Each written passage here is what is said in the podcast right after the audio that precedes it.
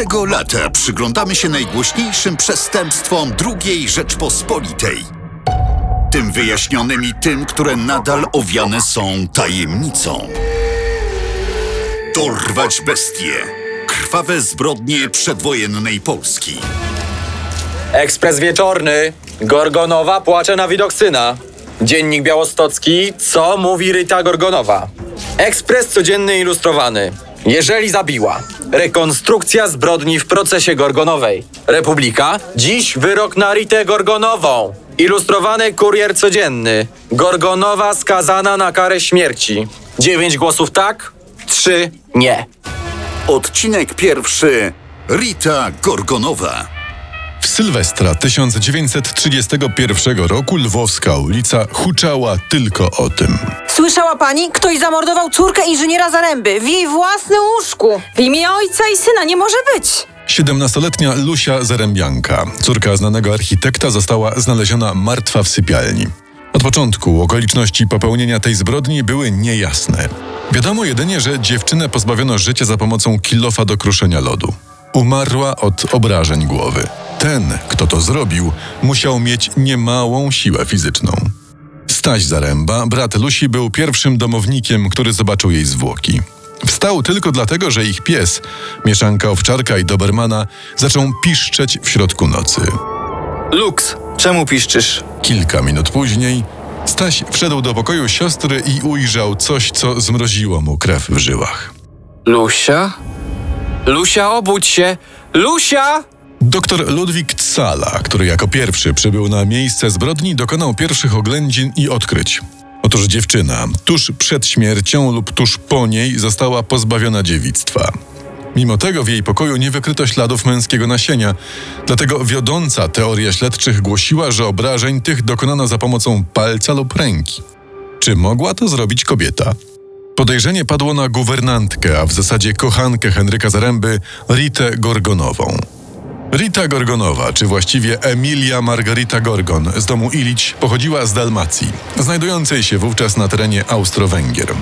Miała zaledwie dwa lata, gdy jej ojciec zmarł. Została oddana na wychowanie do zakonu sióstr w Sarajewie, gdzie przebywała do wybuchu I wojny światowej. Gdy miała zaledwie 15 lat, wyszła za mąż za pracownika radiostacji morskiej. Nie było to udane małżeństwo. Mąż wyjechał do Ameryki, a Rita z małym dzieckiem została w Lwowie. Jak zeznała podczas procesu, Mm, Z początku przysyłał mi pieniądze, a w 1923 przesłał nawet kartę okręgową, żebyśmy mogli z dzieciakiem do niego przyjechać. Mm, Ale później pokłóciłam się z teściami, wyprowadziłam od nich no i zostawiłam im dziecko. Nie miałam pieniędzy na samotne wychowywanie synka. Przez chwilę bezskutecznie poszukiwała posady jako guwernantka. Jednak w żadnym domu, w którym pracowała, nie spędziła więcej niż tydzień. Wszystko zmieniło się, gdy poznała Henryka Zarębę. 41-letni architekt był szanowanym członkiem lwowskiej społeczności. Jego żona od lat przebywała w szpitalu psychiatrycznym. Architekt nie mógł sobie poradzić z wychowaniem dwójki dzieci, dlatego z radością zaprosił Ritę Gorgonową do swojej willi w Brzuchowicach pod Lwowem. Ich relacja z profesjonalnej szybko przerodziła się w osobistą, o czym niejednokrotnie plotkowano na ulicach i salonach Lwowa. Słyszała pani o inżynierze Zarębie? Ale co? No, że żyje z guwernantką, jak ze swoją żoną. Dziecko ponoć będą mieli pani, a prawdziwa żona w szpitalu zamknięta. Skandal! Też bym oszalała, jakby mnie mój tak potraktował. Ale wiadomo, bogatym więcej wolno. Gdy na świat przyszła córeczka guwernantki i architekta Roma, para głośno utrzymywała, że ich związek został zalegalizowany, co nie było prawdą. Ritę coraz bardziej uwierała ta sytuacja. Sielankowe czasy powoli odchodziły do przeszłości. Co to? Kolejny liścik miłosny od adoratora? Wielu ich tam ukrywasz? Wielu. A jak ci się nie podoba, to się w końcu ze mną ożeń. Bo inaczej zabiję siebie, ciebie i naszą Romę. Pomysł ze ślubem nie podobał się dzieciom Henryka, Lusi i Stasiowi. Lusia niemal codziennie błagała ojca, by zostawił Ritę. Tatusiu, wyprowadźmy się do Lwowa. Niech Rita zostanie z Romą w Brzuchowicach. Wielokrotnie powtarzany pomysł w końcu spotkał się z przychylnością inżyniera Zaręby. W styczniu 1932 roku Henryk, Staś i Lusia mieli przenieść się do Lwowa, a Rita z Romą zostać w podmiejskiej willi. Wszystko zmieniło się tej fatalnej, grudniowej nocy. Rita Gorgonowa stała się podejrzaną numer jeden jeszcze tej samej nocy. Policjanci, którzy zbadali miejsce zbrodni i okolice domu w Brzuchowicach, byli przekonani, że zbrodni dopuścił się ktoś z domowników, a Gorgonowa była oczywistym typem ze względu na swój konflikt z Lusią. Ślady przeciwko Ricie, mimo że poszlakowe, zdawały się dawać jednoznaczny obraz przebiegu nocy, przynajmniej w opinii śledczych. Na śniegu dookoła domu nie ma żadnych śladów. Co więcej, wszystkie zamki są całe i nie ma więc mowy o włamaniu. No i pies. Nie szczekał na intruza i zaczął wyć dopiero, kiedy ofiara już nie żyła. Wniosek jest oczywisty. Oficjalna wersja wyglądała tak. Rita poszła do pokoju Lusi i ją zabiła. Potem starała się upozorować włamanie i gwałt. Wracając do swojego pokoju, natknęła się na Luksa i walnęła go w głowę. Zawodzenie psa obudziło Stasia, który idąc do pokoju Lusi, zauważył tajemniczą postać w kożuchu. Jestem pewny, że ktoś stał przy choince. To mogła być Rita. Ponieważ droga powrotna do jej pokoju została odcięta przez Stasia i Luksa, Gorgonowa miała wybiec przez główne drzwi, obejść dom, wybić małe okno i wejść do swojego pokoju. Podczas tej próby skaleczyła się w palec. Następnie przebrała się i dołączyła do reszty domowników postawionych na nogi przez młodego zarębę. Jednak gdy bliżej przyjrzeć się tej oficjalnej wersji, to robi się ona nieco dziurawa. Skoro dookoła domu nie było śladów stóp, to jak Gorgonowa wróciła do swojego pokoju? Co więcej, czy wybite okno w pokoju Gorgonowej nie mogłoby być uznane za ślad włamania osób trzecich? Śledczy postanowili jednak nie kłopotać się takimi drobnostkami, szczególnie, że nad ranem znaleźli narzędzie zbrodni dżagan do lodu. Spoczywało ono na dnie basenu koło willi. W pobliżu odkryto również chusteczkę z krwią grupy A, tą samą, którą miała Gorgonowa, podczas gdy zamordowana Lusia miała krew grupy 0. Chusteczkę włączono do koronnych dowodów w procesie przeciwko Ricie. Oskarżam Ritę Gorgonową o to, że w nocy z 30 na 31 grudnia 1931 roku w zamiarze zabicia Elżbiety Zarębianki w podstępny i zdradziecki sposób przeciw niej działała, a wskutek czego śmierć nastąpiła. Tak brzmiały słowa oskarżenia wypowiedziane przez prokuratora Alfreda Laniewskiego. Podczas procesu guwernantki w Lwowie nieprzebrane tłumy gapiów i dziennikarzy próbowały wedrzeć się na salę sądową.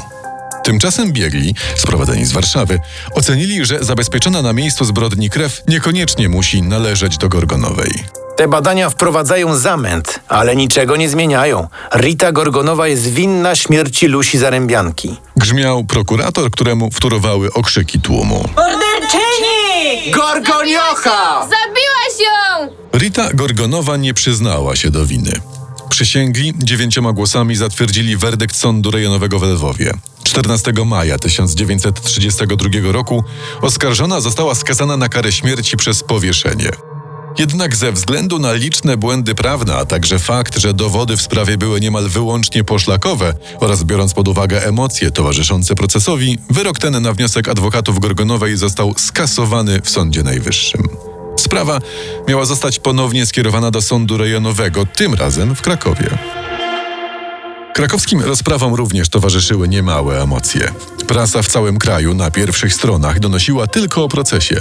Szczególnie, że pojawił się nowy, sensacyjny aspekt całej historii. Rita Gorgonowa, która już w noc morderstwa była we wczesnej ciąży, urodziła córkę Ewę w więzieniu. Zdjęcie noworodka za kratami zszokowało opinię publiczną.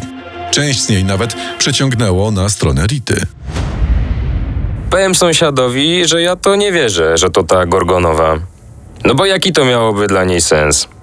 Jaka matka chciałaby rodzić za kratami? Poza tym, co by miała zyskać na śmierci tej młodej zarębianki? Bez sens i tyle. E tam głupstwa opowiadacie. Winna jest i tyle, już powinna wisieć. Krakowski sąd spojrzał na sprawę Gorgonowej nieco przychylniej, choć nadal uznał kobietę winną morderstwa Lusi Zarębianki. Sąd uznaje podejrzaną Ritę Gorgonową winną. Jednak mając na uwadze trudną sytuację domową, przyznaje, że zbrodnia była dokonana w stanie silnego wzruszenia. Biorąc to pod uwagę, skazuje Ritę Gorgonową na 8 lat więzienia. Sędzia postanowił również skorzystać z przywileju, jaki dała mu rewizja kodeksu karnego II Rzeczypospolitej Polskiej i zaliczył Ricie na poczet wyroku czas, który spędziła w areszcie w trakcie obu procesów. Gdy w 1939 roku wybuchła II wojna światowa, ogłoszono amnestię. Skorzystała z niej także Rita Gorgonowa, ale w tamtym czasie nikogo nie zajmowała już jej postać. Opinia publiczna była raczej skupiona na tym, czy Polska będzie w stanie przetrwać piekło wojny. Z tego też powodu nie do końca wiemy, co działo się z kobietą oskarżoną o najgłośniejszą zbrodnię II RP. Niektórzy twierdzą, że prowadziła kiosk w Opolu. Inni, że wyjechała do Ameryki Południowej lub została zamordowana w 1946 roku. Jej córki, Roma i Ewa, twierdziły, że matka przeżyła II wojnę światową. Jeszcze kilka lat temu wydawało się, że sprawa Gorgonowej może wrócić na wokandę. O wznowienie procesu apelowały w roku 2014 córka i wnuczka Rity. Może dzisiejsza medycyna sądowa i psychiatria pomogłyby odpowiedzieć na jedno z najsłynniejszych pytań międzywojnia? Czy Rita Gorgonowa była zimnokrwistą zabójczynią, czy niewinną ofiarą ówczesnego systemu sprawiedliwości? Dorwać bestie. Krwawe zbrodnie przedwojennej Polski.